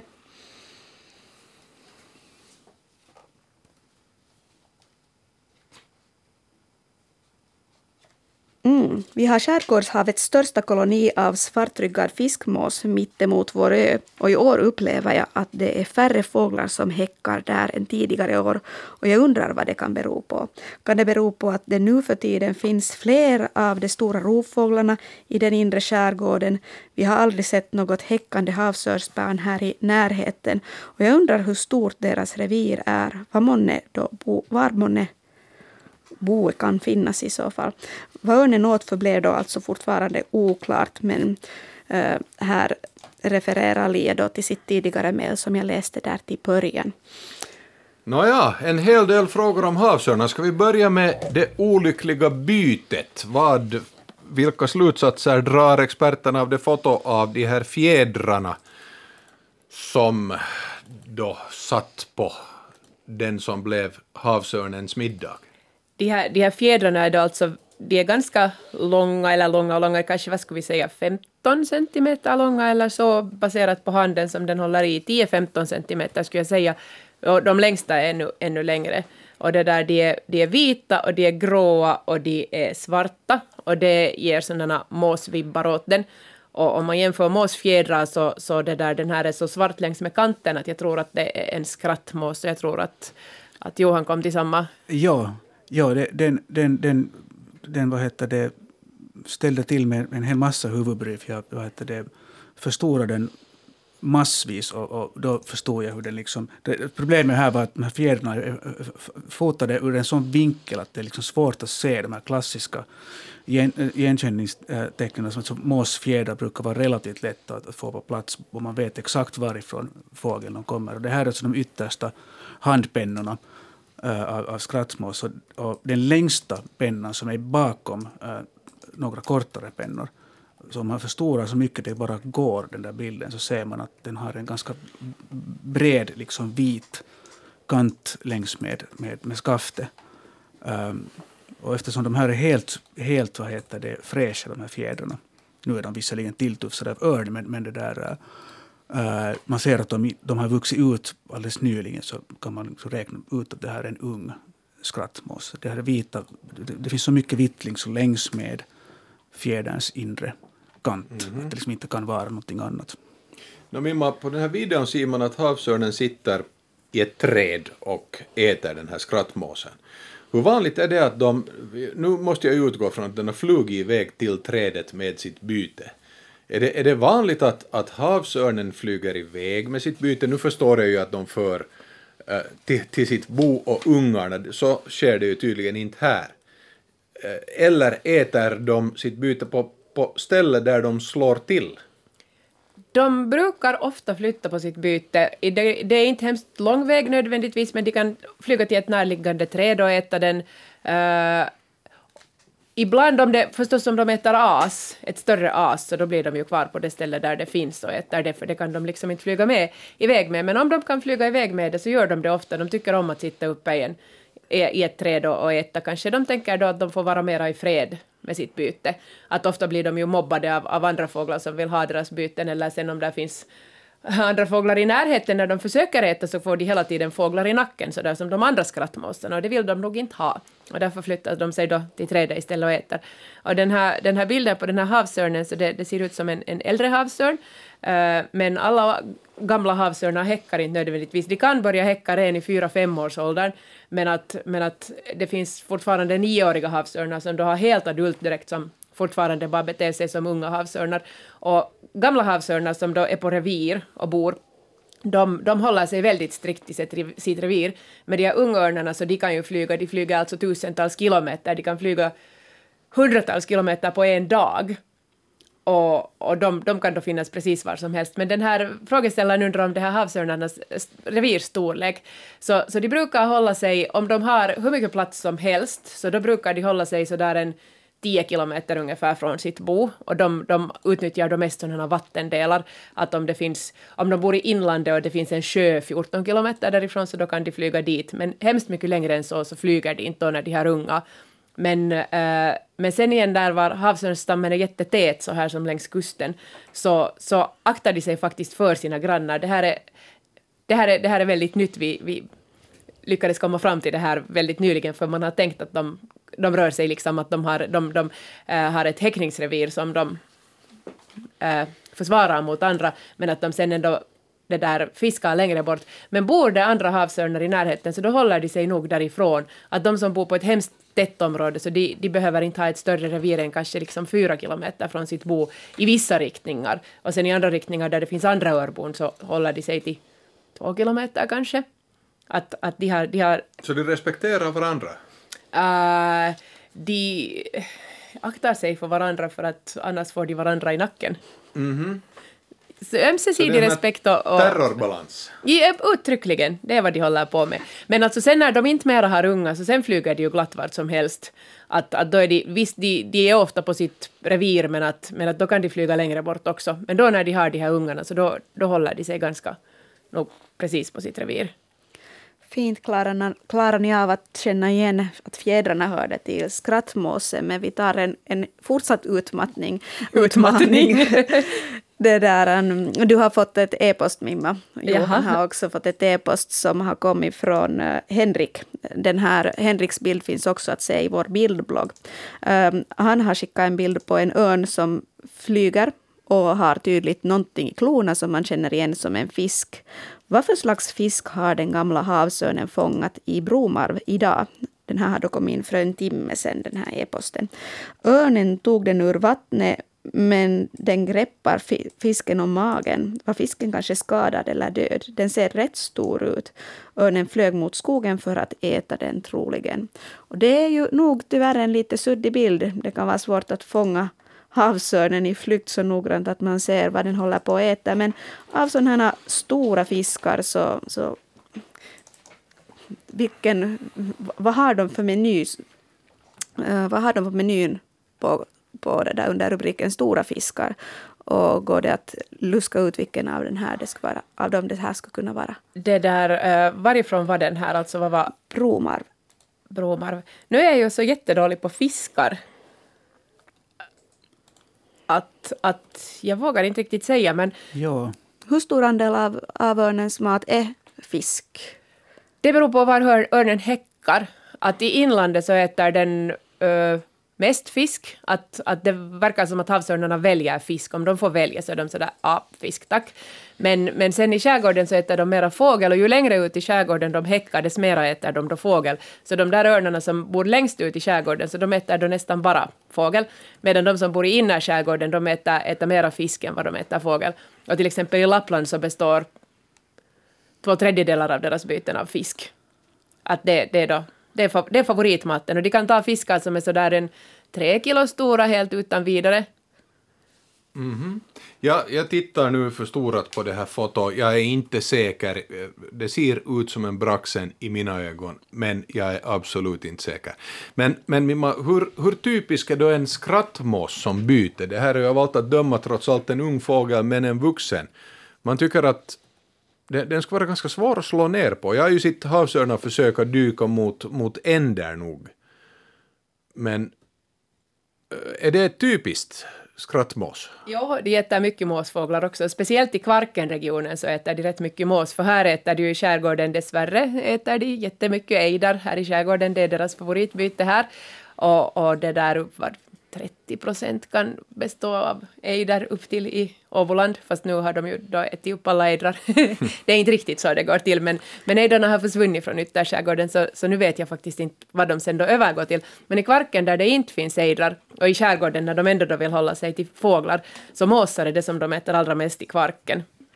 Mm. Att måsar inte tycker om havsörnar, det, det märker man nog. De, de är inga... De, ett bra sätt att se en havsörn när man hör måsarna skrika alldeles eh, så, någonstans så vet man oho, nu är det någonting på gång. Så tittar man upp mot himlen och ofta ser man en flock måsar jaga en havsörn. Jag såg det precis igår. Men, men, men örnarna har olika sätt att jaga på. De kan sitta i en trädtopp, alltså sitter de där och stajar i timmar, så sitter de och kikar och sen ofta är det liksom ovanför en, en grundvik och då är det ofta fisk som de sen tar. De flyger, de tittar en fisk, okej bra, och så går de och tar den. Men sen kan de också hålla på med sån här spaningsflykt där de då flyger, då flyger de lågt ner så de syns inte så hemskt bra, så kommer de bakom klippor längs med öar och på det sättet så kan de kan de överraska en, en flock måsar till exempel och då slår de bara ner och så tar de en mås. Och sen, sen är det ju, de lever ju nog lite farligt också för kråkor är ju inte kanske havsörnarnas favoritmat och det är inte vad man på det där sättet tänker att havsörnar skulle äta. Men ändå så, så är det ungefär en procent av havsörnarnas föda utgörs av kråkor och då tror jag ganska starkt att det är de här kråkorna som kommer och bråkar med örnarna och flyger runt, runt dem. Örnarna är hemskt dåliga på att ta fåglar i flykten. Det, det, det gör de just aldrig, men att i alla fall om de då kommer tillräckligt nära och bråkar tillräckligt mycket med dem så kan det väl hända att de blir mat. Mm. Så det här med fisken som Henrik hade fotograferat i örnens klor var lite klurigare. Men hade du Johan ännu några tankar kring den här fisken? Nej, jag, jag, jag tittar också på bilden i stark förstoring och jag, jag, jag tänker också... Alltså, jag tänkte först att kan det vara en gädda, men den, den ser inte ut att ha tillräckligt lång, lång eh, näsa så att säga. Men det som är klurigt här är att den är liksom som, som, som, som, som också skrevs här med magen uppåt och alla fiskar är mer eller mindre vita på magsidan. Av den enkla orsaken att de då syns sämre om man tittar på dem nerifrån upp. Eh, så det är ett bra kamouflagefärg liksom åt det hållet. Eh, så jag vågar inte heller säga. äh, någonting, någonting säkert om denna. Alltså den ser ju ljusröd ut på den här bilden. Ja, men det är nog som mag, magen som är upp till och, och, och så vet man, det är inte, jag, jag tror inte att den är det. Alltså man, den ser vitare ut fram till en, en den ser liksom ljusröd ut längre bak Ja. till, så jag tror att den är lite i skuggan. Men den, den, de här bilderna kan vara svåra att bedöma, alltså färg, färgnyanser kan vara svåra att bedöma på sådana bilder. Så jag, jag vågar inte säga. Nej, det här är det givetvis taget på rätt långt, långt avstånd så vi, vi vågar nog inte säga något säkert. Och, och min Braxen var definitivt också bara en, en gissning så att säga. Det är ingenting så jag nu kan, kan direkt... Men någonting med lite trubbigare nos. Ja, ja. Vi har ett samtal på tråden. Hallå, hallå! Det är Naturväktarna. Välkomna med i sändningen. Jo, tack. Hej. Hej! Eh, Kristina Åkerman på Trollhättan i Pargas. Jag hade en upplevelse med en havsörn för två år sedan. Min dotter och jag kom gående längs stranden och det flög en havsörn upp framför oss, tio, tio meter framför oss. Och den hade just fångat braxen och den var jättestor alltså. Vi är, vi är en familj på, på fem personer och den, den gav mat åt oss till resten av dagen. Alltså, Ja. alltså tappade den den här braxen? Den, den flög upp, den hade just satt sig med, äh, med den här braxen. Och då kom vi och då, den var alldeles färsk. Och den hade bara lite märken i nacken där klorna hade tagit i. Och den tog vi med hem och så rökte Ja. vi den och åt den. Jag hade precis en kollega som berättade en liknande, äh, liknande episod från var det förra, förra sommaren. Då var det visserligen Ja. en fiskljus som tappade, men det var också en braxen. Kleptoparasitism. Men sen har jag, om ni vill höra en till, jag har en annan upplevelse med en havsörn. En ung havsörn, jag satt och drack mitt, mitt morgonte och den kom in från höger. Och så kom måsarna och de överföll den. Och medan jag satt där så dränkte de den i havet. Oj! Det var Måsarna. ruskigt. Det gick ganska snabbt. Den, för, den förstod inte att den skulle flyga upp. Den flög längre och längre ner. Och varje gång så var måsarna över den. Och till slut så drunknade den. Livet är hårt. Ja, så måsarna alltså hårt, ja. dränkte en havsörn. Det är intressant. Ja, det har jag inte hört om tidigare. Jättecool iakttagelse. Och jag kunde, inte, jag kunde inte ta någon bild eller någonting för det gick ganska snabbt. Och det var ganska dramatiskt och, och jag var, jag var mycket berörd av det där för det, ja, Ja, det låter nog som att, att den örnen blev totalt tagen på sängen så att säga. Den Men- blev tagen på sängen. Den var inte riktigt uppfostrad av sina föräldrar. Den visste inte hur den skulle göra. Man ska flyga upp när de kommer. Ja, ungörnar kan, de, de, de är inte så kunniga ännu, de lär sig med åren, men den, Ja, Och de här måsarna är nog jättemodiga när det gäller havsörnar tycker jag. det är de. de. De ger sig på vad som helst, alltså och hur som helst. Och man hör dem ju, man hör dem ju på ljudet när, när det är en örn. Ja. Ja. Ja, men tack. Tack Kristina för det här intressanta samtalet. Ja. Hej. Hej! Och den här delfinen har eh, fått kommentarer. Johan Enqvist skriver att delfinen var på besök i Pärn år 2020. Ni skrev till och med en artikel om det. Och så skickar han en länk till Yle Östnylands sida där jag är chef. Så till det kan jag bara säga Johan att Yle Östnyland skriver mycket intressanta artiklar på webben.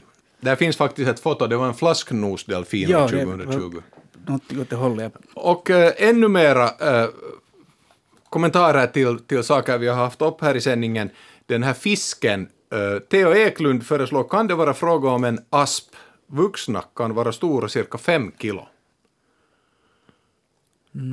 Va- Varför inte? Jag menar, Theo Eklunds äh, gissning, eller det, det han ser är precis lika bra som, som åtminstone min.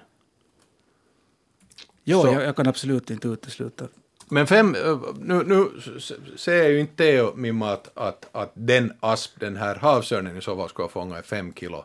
Men, men du sa hur stora fiskar kan den ta? Uh, tre kilo äter den utan vidare och de borde inte kunna lyfta med mer än lite på fyra kilo. Ja, Så, så fem kilo skulle den inte bära till boa i alla fall, men inte är det väl omöjligt att den försöker ta en fem kilos fisk. Ja, men nu, nu som sagt, Teo säger ju inte att den här fisken den har i klorna är fem kilo, bara att aspen kan Precis. bli fem kilo stor. Jo, Tung. men den här, det här, den här är inte fem kilo Nej, stor, den här nej. fisken. Men, men det har ju alltså hänt att havsörnar har drunknat för att de har försökt ta en för stor fisk. Så att fisken drar ner den i djupet. Ja, för den, havsörn, om havsörnen hamnar i vattnet ordentligt så kan den vanligtvis inte flyga upp igen. Och om fisken Jaha. är väldigt stark och havsörnen är väldigt envis så, så kan det bli en dragkamp till döds som fisken kan vinna. Vet man då vad händer med den där havsörnen? Alltså den drunknar, jo, men dess klor är väl fast i fiskens rygg. Släpar den efter fisken i all evinnerlighet ner i djupet? Äh, äh, jag, jag, jag, Man har alltså hittat fiskskelett med havsörnsskelett intrasslade i sig. Vad intressant. Dramatiskt. Annika, har du några mera mejlfrågor åt oss? Ja, jag har hört rykten om att Johan tycker också om en annan grupp med djur, det vill säga dagfjärilar, så nu ska vi hinna med en fjäril här ännu. Eh, Frans och Ida har skickat en bild med vackra, fär- vackra färger i bakgrunden, men också en otroligt vacker fjäril med det här svarta och gula färger främst. Denna fjäril, så, fjäril såg min son på vår villa i Sideby, Kristinestad, Eh, i början av den här mån- månaden. Han undrar vilken sorts fjäril det är. Enligt våra Google-kunskaper kunde det vara en makaonfjäril, men det var nog den största fjärilen jag någonsin sett. Hade säkert 8 till 9 centimeter mellan vingarna. Kan, vi, kan ni berätta mera om makaonfjärilen, undrar Frans och Ida. Men innan jag låter ge dig muntur så läser jag också snabbt vad eh, delar av vad Birgitta också har skrivit. Hon såg också i juli i Sundom i Vasa en väldigt stor fjäril fladdrande bland perennerna. Eh, och den hade skarpt inrutade fält av gula eller citrongula teckningar på vingarna. Eh, den ville inte sätta sig ner för fotografering utan fladdrade vidare. Och Birgitta undrar alltså att det skulle kunna vara en makaonfjäril och hur långt norrut finns den här? Ja, vad säger experterna? Nej, makaonfjäril, det, det, det, det låter definitivt som en makaonfjäril. Det, det finns inte så hemskt, hemskt mycket att, att välja mellan med det signalementet. Och, och, och den, den, den fjärilen på bilden det är ju utan vidare en, en makaonfjäril. Det är en av våra största dagfjärilar. Den är egentligen vanlig nästan i hela Finland. Uh, men det där, den är sällan riklig, det vill säga man ser sällan flera individer samtidigt och oftast så ser man en om dagen om ens det. Uh, men man kan se, man kan se det där uh, om man har tur så kan man se flera individer, framförallt vid kullar eller liksom höjder, där de kan samlas flera, där framförallt hanar kan samlas flera, flera eh, individer åt gången. Eh, det här kallas för backkröning. Det är ett fenomen som framförallt sådana fjärilar med ganska stora livs eh, jag ska säga, revir, eller vad ska vi kalla det, livsområden, ehm, där de under speci speciellt varma och, och vindstilla dagar kan samla sig till sådana högre, högre punkter i landskapet uh, med, med, med liksom baktanken att honor, då de är parningsvilliga, så kan de ofta leta sig till samma platser. Och, uh, då kan man se vad heter det, makaonfjärilens parningsdans som ser liksom rätt vansinnig ut. De flyger, den, flyger, den kan ju flyga väldigt sävligt och långsamt men den kan också flyga väldigt fort med de här honorna och hanen. De kan liksom flyga rakt upp i himlen och, och följer med dem så långt man i princip ser. Eh, försvinner iväg. Eh, typiska miljöer för makaonfjärilar är sådana olika bryn, brynmiljöer. Eh, ofta intill liksom lite fuktigare partier med lite kärr eller vattendrag och så. Honan lägger ägg på spridda över ganska stora områden. Framförallt på olika flockblomstriga, ofta kärrsilja eller strätta. Och, och larven, är- när den är liten så är den så här svart, svart, vit, svart med en vit liten fläck på mitten. Den ser ut precis som en liten fågelbajs. Uh, när den blir större så är den stor grön och med så här svarta liksom tigerränder med små röda prickar insprängda. Den är vacker i då när den är stor. Uh, så över, övervintrar den som puppa. Så det är väl ungefär dens, dens liksom businessidé så att säga. Uh, en mycket och vacker fjäril är Ja, det. och det finns nu en hel del av dem. Den, den, den är egentligen, det är egentligen börjar bli lite sent kanske för den. Men det har varit ganska kallt och framförallt i maj så det är möjligt att, att det har dragit ut lite på dens flyg, flygperiod. Men det finns mycket av dem nu. Det finns också mycket aspfjärilar och, och, och skimmerfjärilar. Så nu ska man ut och, och titta på dem. De är jättestora och fina. Mhm. Den fjärilen. Nu börjar naturväktarna närma sig sitt slut. Men vi är ju givetvis tillbaka nästa torsdag. Och eh, därför påminner jag er nu färdigt om eh, telefonnumret som ni gärna får ha som snabbval eller era mobiltelefoner 0600 11 12 13. Och mailadressen är natur.yle.fi Och dit kan ni gärna bifoga foton. Ni har tagit som ni har hört här under kvällen, så de här fotona ger definitivt ett mervärde, förutom att man då naturligtvis kan följa i realtid hur våra experter benar ut genom att se de här fotona. vega.natur.yle.fi när ni skickar fotografier eller tar fotografier, försök skicka flera om möjligt, gärna från olika vinklar och gärna med någonting som antyder proportionerna. Naturväktarna är tillbaka nästa torsdag. Tack ska ni ha.